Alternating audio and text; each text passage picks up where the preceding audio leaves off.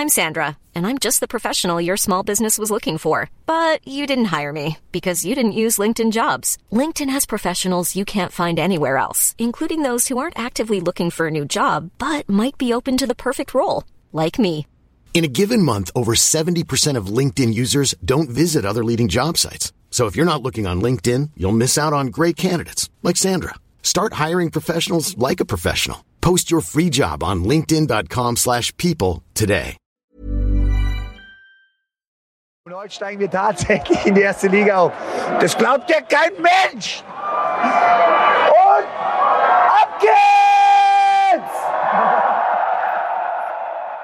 Willkommen, velkommen eh, till ett nytt avsnitt av Stamplats. Podden som levererar den tyska fotbollen till era trumhinnor tänkte jag säga. Men det låter inte alls trevligt. Men eh, ni förstår nog vad jag menar.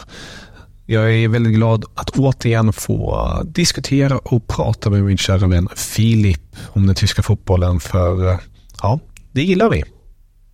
Det gör vi. Lika glad att jag kunde diskutera den med dig. Och vi har haft en ganska händelserik vecka bakom oss. Där vi först haft en ligaomgång och sen har det följts upp med Europavecka. Och sen nu har vi en omgång framför oss innan det blir landslagsuppehåll. Så det känns som att Exakt. det är mycket som händer på kort tid nu. Mm, det är ju så. Och i det här avsnittet tänkte vi ta ner lite Europaveckan som har varit och sen blicka mot omgången som kommer med infallsvinkeln att det är ju flera tränare som hänger löst. Eller åtminstone har det svettigt just nu, får man lugnt sagt påstå. Och därefter kommer vi kunna nästa vecka prata mer om landslaget och Julian Nagelsmann. För in i skrivande stund tänkte jag säga, i pratande stund, i inspelande stund så har inte Julian Nagelsmann tagit ut sin landslagstrupp ännu. Den kommer tas ut senare idag, fredag. Eh, och det ryktas redan om ett par skrällar där. Så det kan vi ta i slutet av det här avsnittet. Men vi börjar helt enkelt med Europaveckan och Champions League. Och det, det var inte så trevliga resultat ur tyskt perspektiv, eller vad säger du Filip? Nej, det kan man väl inte påstå egentligen. Det var ju bara en klubb som lyckades vinna och det var ju inte särskilt övertygande egentligen. Så att det hade väl, det hade man väl önskat sig mer av det här. Men samtidigt, ja, nu har det spelat en tredjedel av gruppspelet så att mycket kan ju fortfarande hända. Men jag tycker ändå att man kan skönja en viss tendens på hur det kommer gå för de tyska klubbarna. Mm. Om vi börjar med det laget som då vann, som du påtalade, Bayern München. De vann ju mot Köpenhamn med 2-1. Och eh, man kan ju kalla det att det var egentligen tack vare Sven Ulreich och hans galna aktion i slutsekunderna som räddade då den där trepoängaren för att ja, det, det, det var en, en extrem räddning av honom i, i slutskedet av matchen. Det lärde han sig i HSV. Ja, det kanske han gjorde. Eh, Det, det är lite sorgliga, eller sorgliga, men eh, jag tycker ändå det hade någonting att han, fick stå för den där insatsen. I kanske, om man ska vara extrem, i hans sista Champions League-match någonsin i karriären. Så kan det mycket väl vara. Men Mm. Neuer, han är ju på väg tillbaka nu från sin långdragna skada och när han väl är tillbaka så lär han ju få stå mellan stolparna. Annars så, så har du den israeliska talangen på bänken som jag har tappat namnet på. Men eh, det, var, ja, det verkar inte som att han är, är eh, första valet direkt. Utan han kommer väl få, få lite tid på sig att etablera sig i klubben och sådär. Eh, men vi får väl se om jag är tillbaka till efter uppehållet. Mm, det sägs just nu att match mot Galatasaray som är nästa Champions League-match för Bayern München kommer Norge stå mellan stolparna. Men det har pratats tidigare om Norge att han ska vara tillbaka tidigare så ja, vi får helt enkelt avvakta och se. Men om vi bara kort stannar hos Bayern, det måste man ju tyvärr göra för, för er som kanske inte är så eh, Bayern-förälskade, men de är ju duktiga på att dra till sig rubriker eh, för det mesta utanför planen. Det är två stora rubriker som har pratats om väldigt mycket de senaste dagarna. Den ena är um, lite mer eh, sportslig kanske. Den andra är också sportslig men också en annan anknytning. Men om vi kan börja med den ena och det är Max Ebel som fick kicken från RB Leipzig i fredags 24 timmar innan mötet mot just Bayern München. Och det är ju på grund av att han inte riktigt har visat sin så kallade lojalitet gentemot RB Leipzig, tycker de själva. För att det har ju pratats väldigt mycket om Ebel och Bayern München. Något som inte är konstigt då han är från Bayern ursprungligen. Han har spelat i Bayern Münchens amatörlag i yngre dagar. Han har en väldigt bra relation med Olle Hunes och det har snackats de senaste tio åren i princip om att Olle Hunes vill få Ebel till Bayern. Men nu blev det en diskussion igen på grund av att Brasso och Oliver Kahn har försvunnit och det är en ny struktur som sker i Bayern München. Men hur, hur ser du på hela den här situationen? För det är ju det är en väldigt speciell soppa för att han tillträdde ju sin tjänst i RB Leipzig för bara tio månader sedan. Ja, han gjorde ju det och det var lite oväntat på ett sätt för att han hade ju länge då varit i Borussia Mönchengladbach, gjort ett fantastiskt jobb där. Sen brände han ut sig, skulle ta tjänstledigt åtminstone ett år, vilket han eh, eventuellt gjorde. Jag har faktiskt inte riktigt koll på hur länge han var borta. Mm. Ja, och sen då, det snackades redan då egentligen om att Bayern München skulle fiska upp honom. Så att för mig var det lite överraskande att han hamnade i Leipzig istället. Och speciellt också med tanke på att han hade varit i Mönchengladbach dessförinnan som är lite motsatsen till Leipzig eh, rent vad man står för. Men han hamnade där i alla fall och i mina ögon så har han gjort ett väldigt bra jobb i Leipzig. Eh, inte minst nu den här sommaren så trots att man har sålt eh, flera av nyckelspelarna så har man lyckats ersätta dem på ett väldigt bra vis. Och de har man ju sett så här långt under säsongen att de har fungerat väl för, för deras del. Um, så att han, när han fick kicken så blev man lite förvånad men samtidigt förstod man ju vad det berodde på. Att det hade då med kopplingarna till Bayern München att göra. Och jag har väl egentligen känt att det har varit en tidsfråga innan han skulle hamna i Bayern. Men jag tror det ändå kanske att han skulle bli kvar lite längre i Leipzig. Eh, I alla fall säsongen ut nu och sen då hoppa på Bayern-tåget. Men eh, Bayern är ju bara när vi får som de vill och jag antar att de har läggat på honom att han ska komma tidigare. Så att det är väl det som ligger bakom att de mynat ut nu då att han eh, väldigt plötsligt fick lämna klubben och nu snackas det väl om att till vintern att han ska presenteras av Bayern. Mm. Exakt. Så det, ja, Bayern München återigen eh, duktiga på att dra till sig uppmärksamhet utanför planen. FC Hollywood.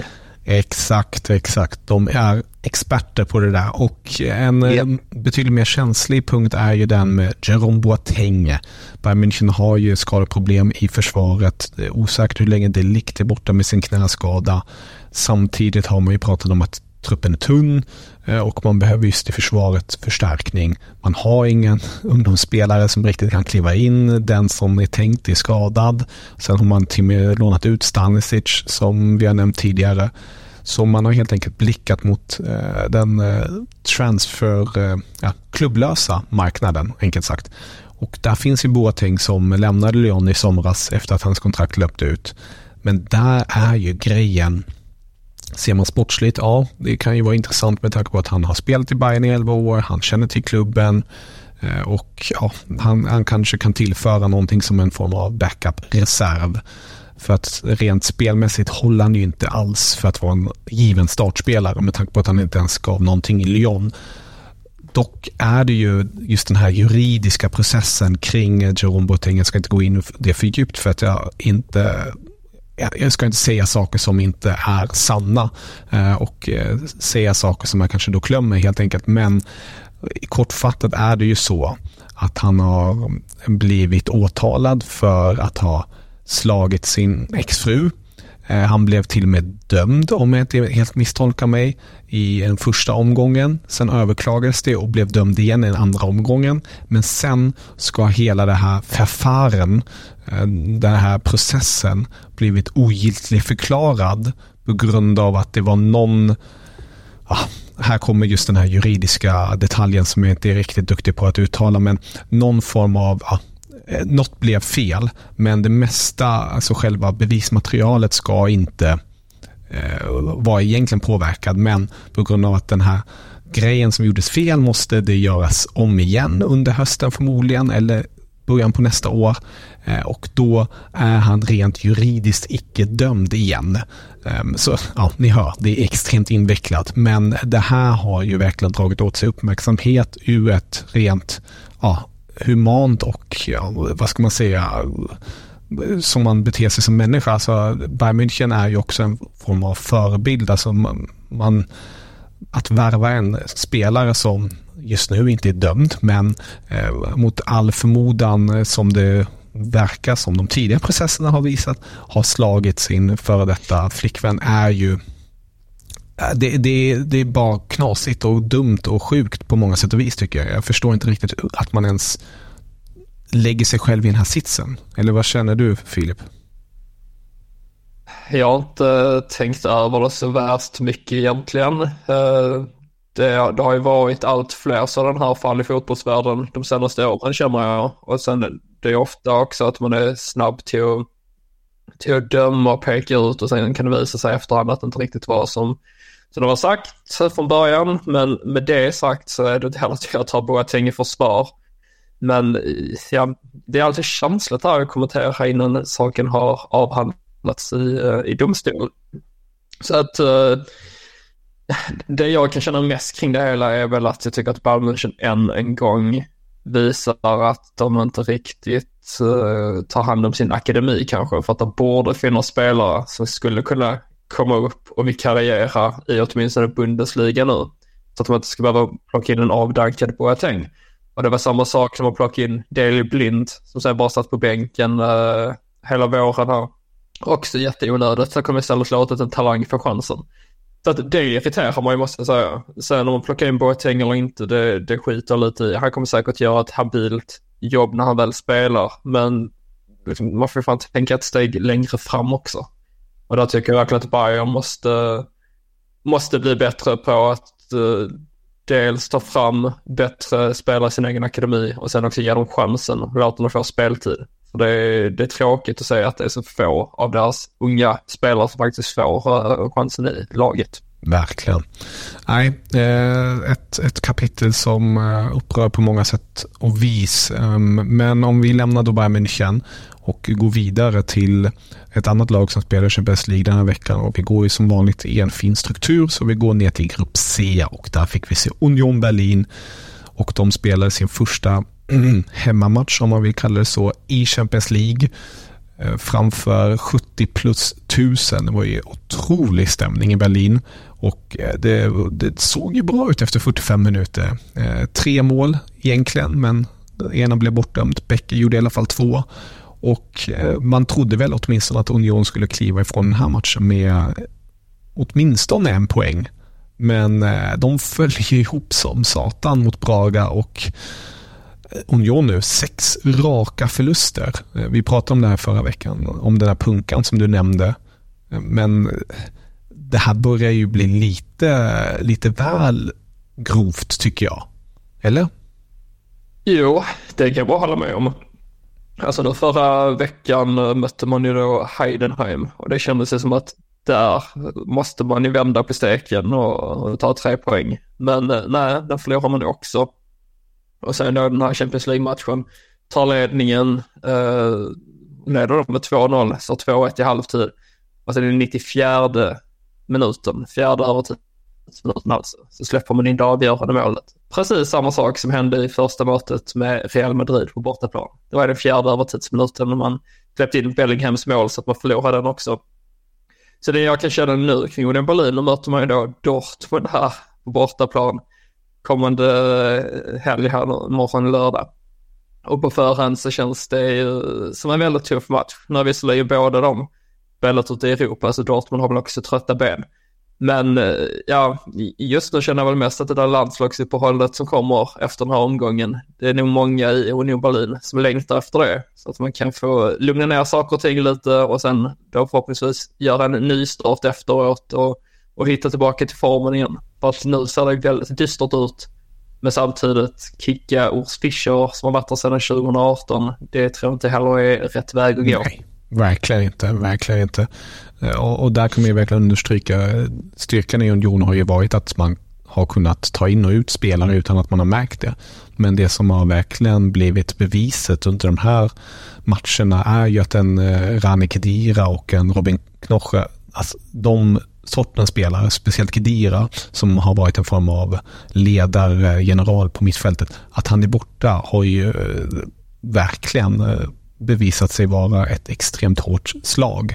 Ehm, självfallet har man fina spelare inne nu på planen men det, det vill sig helt enkelt inte.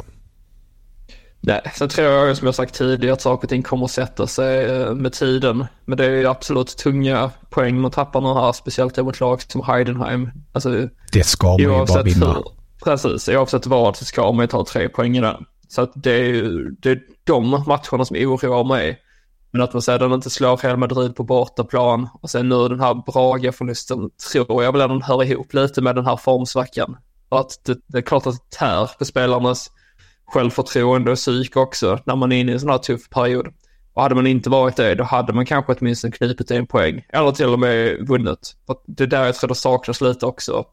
Både flytet men också att spelarna tror på det här. Så jag tror att eh, landslagsuppehållet kommer komma väl till pass för deras del och sen efter det så jag hoppas åtminstone att det kommer se bättre ut. Men mm. Eh, väldigt svårt att veta just nu. Verkligen. Sen hade vi ett annat lag som uh, i princip inte gjorde någonting, känns det som. Det hände inte så mycket. Um, inget mål bakåt eller framåt. Det var Dortmund som ställdes mot Milan. Uh, en match som Terzic sa inför extremt viktig, speciellt då på grund av att den var på hemmaplan. Och om man ska ta sig vidare från den här gruppen måste man ha, enligt honom, minst 10 poäng. Nu har man inkasserat en poäng på två matcher.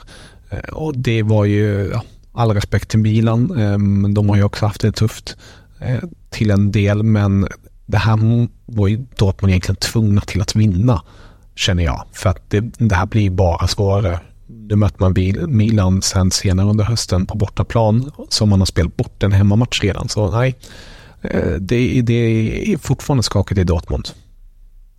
Det är ju tyvärr det. Jag tror redan nu, trots att det är fyra gruppspelsmatcher kvar att spela, att vi kan slå fast att Dortmund inte kommer ta sig vidare från den här gruppen. Utan man får nog sikta in sig i så fall på, på att hoppa in i Europa League slutspel efter årsskiftet. Och det som jag skrev i en text på fotboll.nu i veckan och gick igenom lite har det gått för lagen i Champions League. Att jag tror det är en nivå som är mer anpassad för, för detta Dortmund den här säsongen. Mm. Jag instämmer fullständigt. Och fotboll.nu, ja, det är där man ska läsa härliga texter och mycket reseskildringar från mm. dig och din kompanjon Axel. Ja, Wolfsburg och Rostock har jag eh, dunkat in den här veckan. Det är ju två orter som kanske inte är de mest välbesökta. Så att jag hoppas jag kan inspirera lite folk till att vilja resa runt med i Tyskland. Mm. Gött. Om vi då slutligen avslutar Champions League-snacket i Grupp G där RB Leipzig fick återigen, jag tror det är tredje säsongen i rad, man ställs mot Manchester City. Eh, förlust inkasserat mot just Manchester City igen. Ehm, det, det, är väl inte så mycket att säga där. Ehm, det var vissa sämre individuella insatser skulle jag vilja påstå av Leipzigs del, speciellt försvarsspelet. Men sen är ju City bara, ja, de är ett nummer för stort eller två eller tre. Ehm, så, så. Det man kan säga är väl att Eh, Leipzig, jag tycker att de stod upp väldigt bra. Det var ju någon länge det såg ut att kunna bli en poäng. Det var ju först i uh, den 85 minuten tror jag som City då tog ledningen igen och sen så dunkade man in ett till mål på övertid. Så att en en hedersvärd förlust där tycker jag. Man hade inte förväntat sig att de skulle rå på City. Eh, så kan jag väl även nämna då tycker jag att Emil Forsberg fick starta och han gjorde det med kaptensbindeln på vänsterarmen. Så att det var ändå häftigt. Verkligen. Ja, det var kul för, kul för honom. Om vi då bara kort går på Europa League kan vi ju konstatera att Freiburg, de åkte ju på en eh, tung, tung förlust mot West Ham. Eh, man skulle kunna kalla det en form av gruppfinal. Men eh, man förlorade den i alla fall på hemmaplan. Det är säkert en match man hade velat ta en poäng i. Och sen fick vi också se Bayer Leverkusen vinna mot Molde. Eh, där Molde fick ett tröstmål i slutminuterna men där Leverkusen verkligen, i, speciellt den första halvleken, de, ja, jag vet inte, de, de sprang över Molde. Väldigt enkelt. Ja, och det ska de göra också. Den här gruppen ska ju eh, Leverkusen leka hem och det kommer man nu göra också som det ser ut. Och sen, ja, är det något mer du vill påtala där? Nej, vi kan väl bara nämna att det sista eh, tyska laget som spelar ute i Europa, det är Eintracht Frankfurt. Mm. Och det slutade med förlust även för deras del mot PAOK, grekiska PAOK på bortaplan. Men eh, ja, vi hade Hugo Larsson återigen från start, spelade nästan hela matchen, utbytt uh, i 90 minuten. Han fortsätter att visa framfötterna får man ändå säga. Fått väldigt mycket beröm och fina lovord här under de senaste veckorna. Han har glänst för Frankfurt som annars har varit lite sådär. Men uh, nej, ska man sammanfatta den här Europaveckan så är det väl ingenting att hänga i graden utan man vill mest uh, förtränga den. Så att det är väl bara ett proffs också att göra det tänker jag och gå vidare till eh, ligafotbollen som vi har framför oss.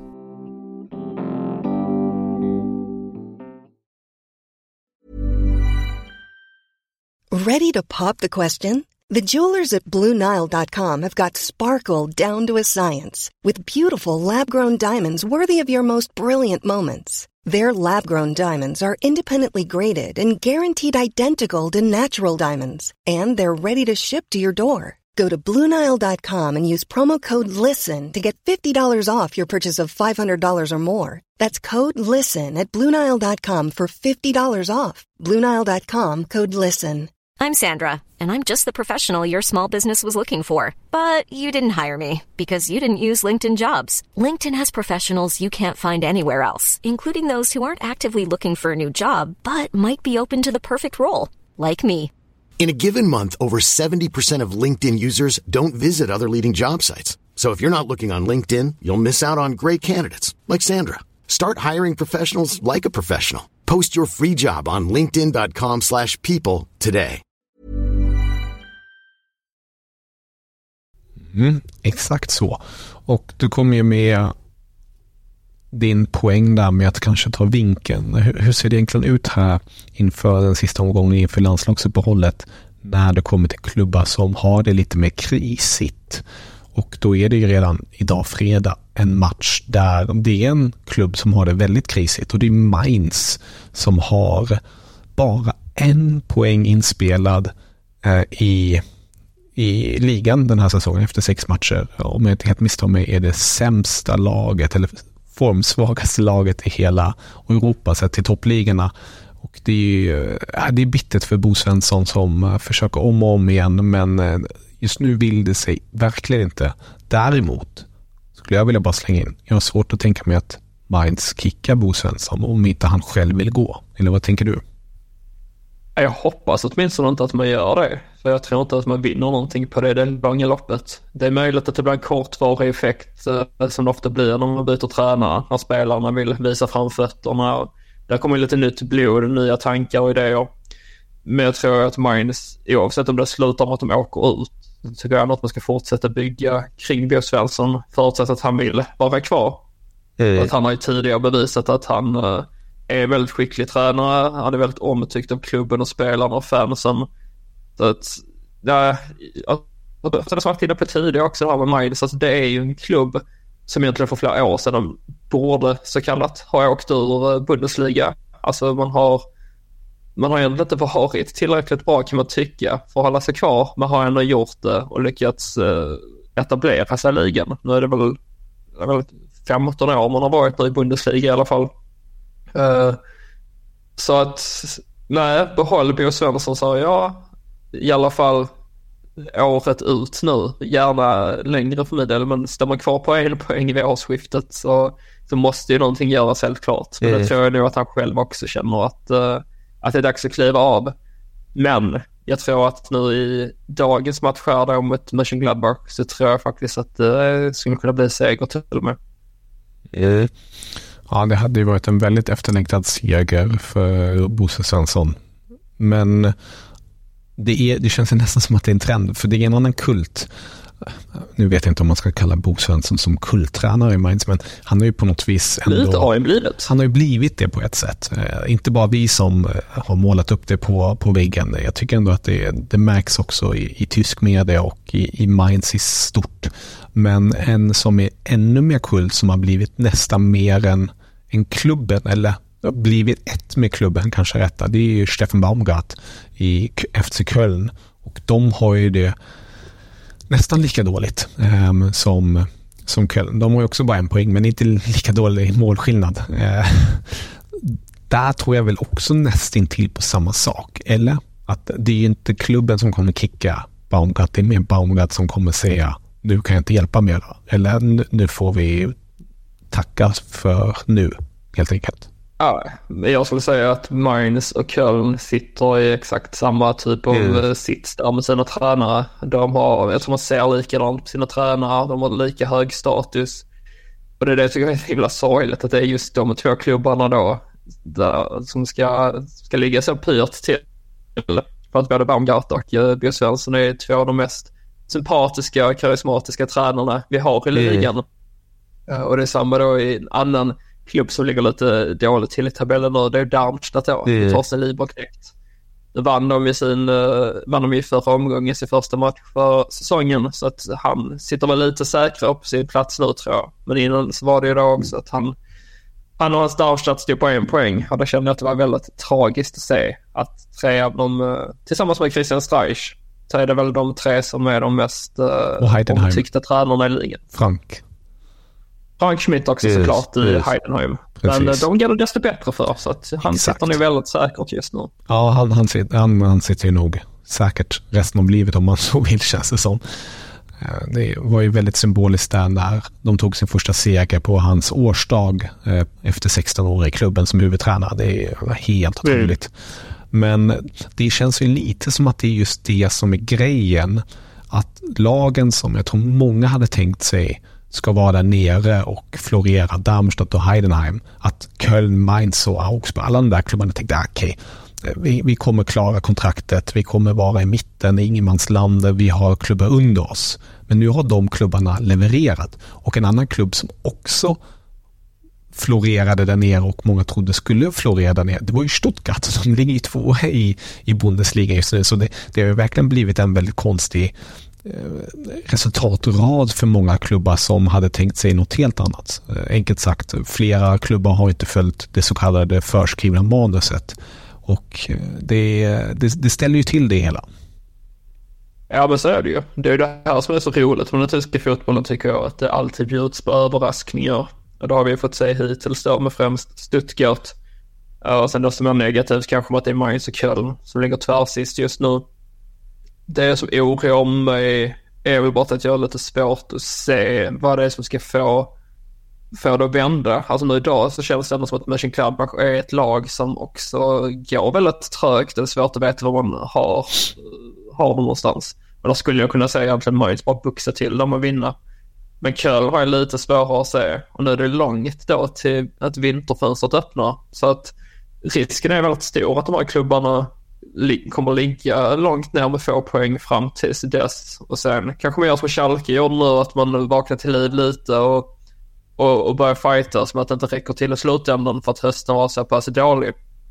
Men eh, ja, vi kan väl bara hoppas helt enkelt att det kommer på något vänster att vända för båda, för både Köln och Mainz.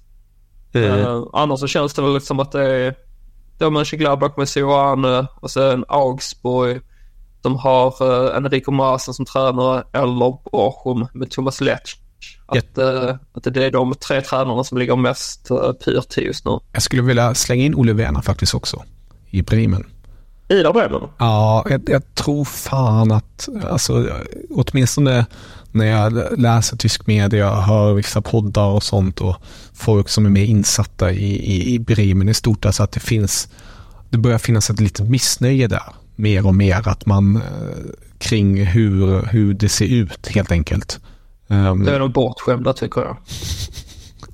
Eh, så nej. Ja, jag tänker det var ju för förra säsongen spelade man i Schweiz, gjorde en okej okay säsong. Vi var inte jättedominerande. Det tog verkligen tid innan de kom igång där. Sen var det tack vare Dux och, eh, och Fyllkrog som man kunde ta steget upp till Bundesliga igen. Och sen förra säsongen vet jag inte riktigt vad som hände, men det blev ju någon boost av just Fyllkrug och Duksch egentligen. Det... De fortsatte ju ösa in mål och leverera poäng. Sen då säljer man då Fyllkrug mot slutet av fönstret. Och liksom, ja, det är klart att det är, det är en jättetungt tapp för deras del. Så att, ja visst, alltså så här förlusten senast mot Darmstadt då med 4-2. Det är ju ingenting att jubla över såklart. Och där kan man ställa många frågor kring, eh, kring Bremen. Men annars så tycker jag de får lite mer tålamod som supporter till uh, Werder Bremen. Men ja, det är väl lätt för mig att säga som håller på HSV. Det är väl det jag har fått lära mig att ha, att ha tålamod. Men den, uh, men ja, alltså, ja visst, Bremen förlorar ju även då mot Heidenheim. Det är både Darmstadt och Heidenheim i nykomlingarna mm. och det är matcher man ska vinna. Och sen har man då hittills vunnit mot Mainz och Köln. Så ligger tvärsist i tabellen. Så okej, okay. jag, jag börjar se mönstret. Yeah. Och sen om man kollar på det kommande spelschemat har man Hoffenheim, Dortmund, Union Berlin, yes. Wolfsburg, Frankfurt, Leverkusen, Stuttgart i turordning. Så okej, okay. jag, jag vänder lite där. Men vi får se. Jag tycker att man ska ha lite mer tålamod mm. med Ola Werner. Känns taskigt att kicka honom uh, nu. Härlig realtidsvändning på det där. det, det, det, var härligt. Fan, jag hade inte koll på spelschemat vilka matcher ja. som väntade. Men när jag kikade så, så kände jag ändå att det... Och det är någonting som... Alltså ska man förbereda sig inför det här tuffa spelschemat så är det kanske något tränarbyte. Men sen är frågan vem tusen ska ta över. Mm. Och det är det som är den stora frågan och eh, det finns ju någonting där med tanke på att det landslagsuppehåll som du var inne på tidigare att man ska kanske utnyttja det då om man hittar en bra kandidat. Det känns som att det kommer hända. Denna omgången blir lite avgörande. Jag tror att, att vi skulle kunna få se två tränare lämna innan, uh, i, i början av nästa vecka i alla fall. Mm. Det tror jag också. Det är min prognos. Mm, fin. Jag har en fråga där. Du mm. som också kan det tyska språket och kan det svenska språket betyder bättre än mig. Det senior. Om jag säger steile These till dig, hur översätter man det på ett bra sätt till svenska? Steile These? Mm, och med det menas ju att man har en,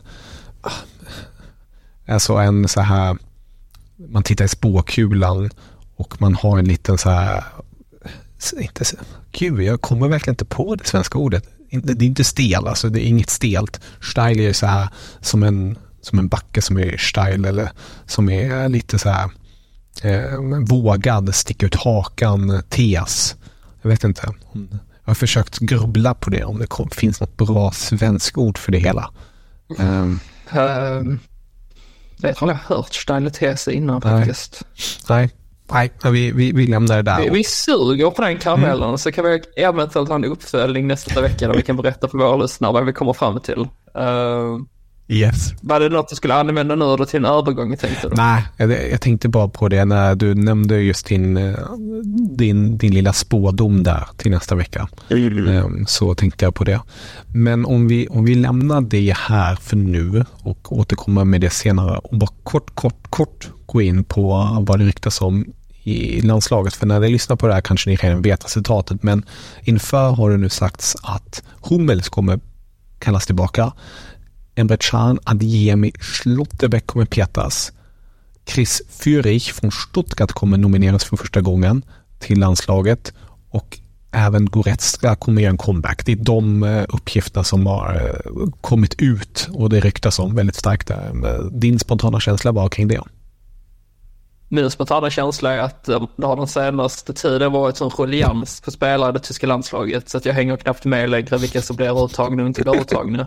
Och varje gång det har varit en uttagning så är det så svårt att så här liksom på rak arm peka ut vem som saknas. Mm. För att, det känns som att det har varit närmare hundra spelare nu det senaste året som mm. har fått uh, chansen i landslaget och ingen av dem har varit bra. Så uh, jag vet inte. Jag säger som sa att uh, kul med ny tränare i alla fall. Nytt blod, nya tankar, idéer.